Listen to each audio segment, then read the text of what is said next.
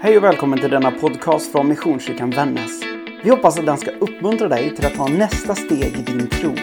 Om du vill ha mer koll på vad som händer hos oss, gå in och följ Missionskyrkan Vännäs på Facebook och Instagram eller kontakta oss via vår hemsida www.missionskyrkanvannas.se Välkommen hem hit! Idag är det skärtorsdagen. Den dagen som lärjungarna samlades till den sista måltiden. När Jesus ville samla de sina till en sista samling. Jag ska läsa en variant på det här. Jag ska läsa från Johannes evangeliet. För Johannes evangeliet berättar aldrig om nattvarden specifikt. Jag ska läsa berättelsen om när Jesus tvättar lärjungarnas fötter från Johannes evangeliet 13 kapitel. Det var strax före påskhögtiden och Jesus visste att hans stund hade kommit. Då han skulle lämna världen och gå till Fadern. Han hade älskat sina egna som levde här i världen och han älskade dem in till slutet. De hade samlats till måltid och djävulen hade redan ingett Judas, Simon Iskariots son, att förråda Jesus. Jesus visste att Fadern hade lagt allt i hans händer och att han hade utgått från Gud och nu återvände till Gud. Han steg upp från bordet, tog av sig manteln och band en handduk om livet. Sedan hällde han vatten i tvättfatet och började tvätta lärjungarnas fötter och torka dem med handduken som han hade bundit om sig. När han kom till Simon Petrus sade denne till honom Herre, ska du tvätta mina fötter? Jesus svarade Vad jag gör, det förstår inte du nu, men senare ska du fatta det. Petrus sade Aldrig någonsin får du tvätta mina fötter. Jesus sa till honom Om jag inte tvättar dig har du ingen gemenskap med mig. Då sade Simon Petrus Herre, tvätta inte bara mina fötter utan också händerna och huvudet. Men Jesus sa till honom Den som har badat behöver bara få fötterna tvättade. I övrigt är han ren. Och ni är rena, dock inte alla. Han visste nämligen vem som skulle förråda honom och därför sade han att de inte alla var rena.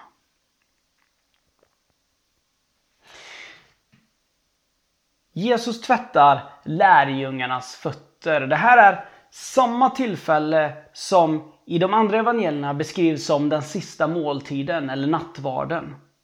Och återigen så möts vi av det där att evangelieförfattarna lägger fokus på olika saker. Johannes, han ville berätta om någonting annat som hände där och då.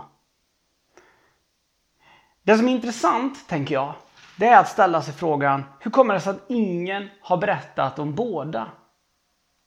På ett sätt så kan man säga att Johannes har gjort det, för han berättar att de precis innan hade haft en måltid. Men det som gör att vi vet att det är vid samma tillfälle, det är att vi alla tillfällena berättas det om att här pekas Judas ut som förrädaren. Det vi kan säga dock, det är att både det här när Jesus tvättar fötterna och den sista måltiden, det var revolutionerande saker. Det här var handlingar som var konstiga i sin tid. Eller i sin tid. Frågan är, är det så mycket konstigare då än det skulle vara idag? Eller hur skulle du reagera om din mästare sa att här, ät mitt kött. Eller här, Drick mitt blod. Jag tror att det var många frågor bland lärjungarna där och då. Vad är det som pågår? Och efter måltiden, att Jesus binder en handduk kring sig och säger Jag ska tvätta era fötter. Du och jag kan nog känna ibland att mina fötter efter, inte vet jag, en kanske hård dags vandring eller kanske att man bara har gått på arbetet eller en helt vanlig dag är inte någonting som man gärna skulle vilja att så många andra skulle tvätta. Eller ja, om du då inte är fotvårdare förstås. Men, eh, men i övrigt så känns det, det här med fötter är någonting speciellt. Under den här tiden så måste vi också komma ihåg att det här var människor som gick i sandaler och inte på välasfalterade fina gator. Utan det var sandigt, det var skitigt och det var smutsigt. Med andra ord, fötterna var nog ännu skitigare än vad våra fötter många gånger är. Jag har tänkt många gånger att Petrus reaktion var otroligt rimlig. Han sa aldrig någonsin, du är min mästare. Du är den som jag tror är Messias. Inte får du tvätta mina fötter. Jesus var tvungen att förklara för honom. Om inte vi gör det här, om inte jag får göra det här, då kan inte du ha gemenskap med mig. Och vad blir då Petrus reaktion? Ja, han använder bilden, tvätta både mina händer och mina fötter. Men det här är en fråga som man verkligen kan tolka ut, även också utifrån den grekiska grundtexten. Att praktiskt taget det han säger är tvätta hela mig. Gör allt. Jag vill ha full gemenskap med dig. Jag tror att det här är en text som talar väldigt tydligt till oss som människor idag. Denna påsk så tror jag att Herren själv bildligt vill tvätta dig och mig.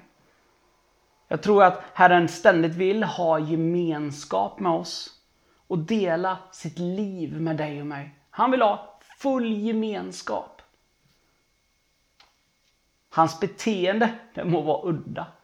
Många gånger så tänker jag att när jag har fått möta Jesus på nära håll så har det varit speciellt. Det har känts inte alltid bara bekvämt. Vissa gånger så har jag känt att det är så många saker som kommer fram i mig som inte är något vackert, som jag närmast skäms för.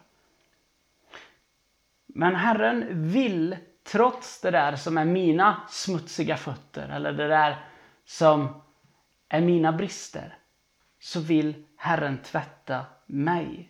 För han vill tjäna dig och mig. Frågan blir då till oss, släpper vi in honom?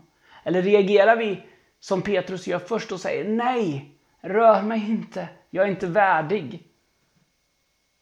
På vilket sätt låter vi Kristus komma in i våra liv och forma oss?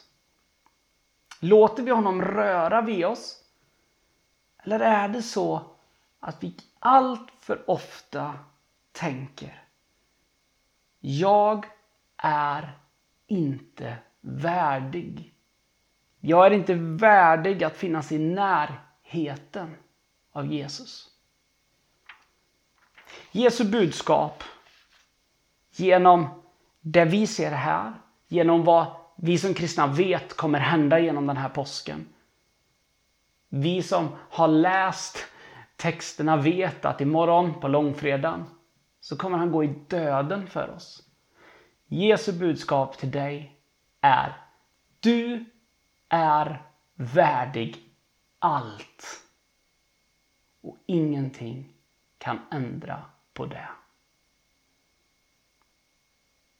Låt oss be.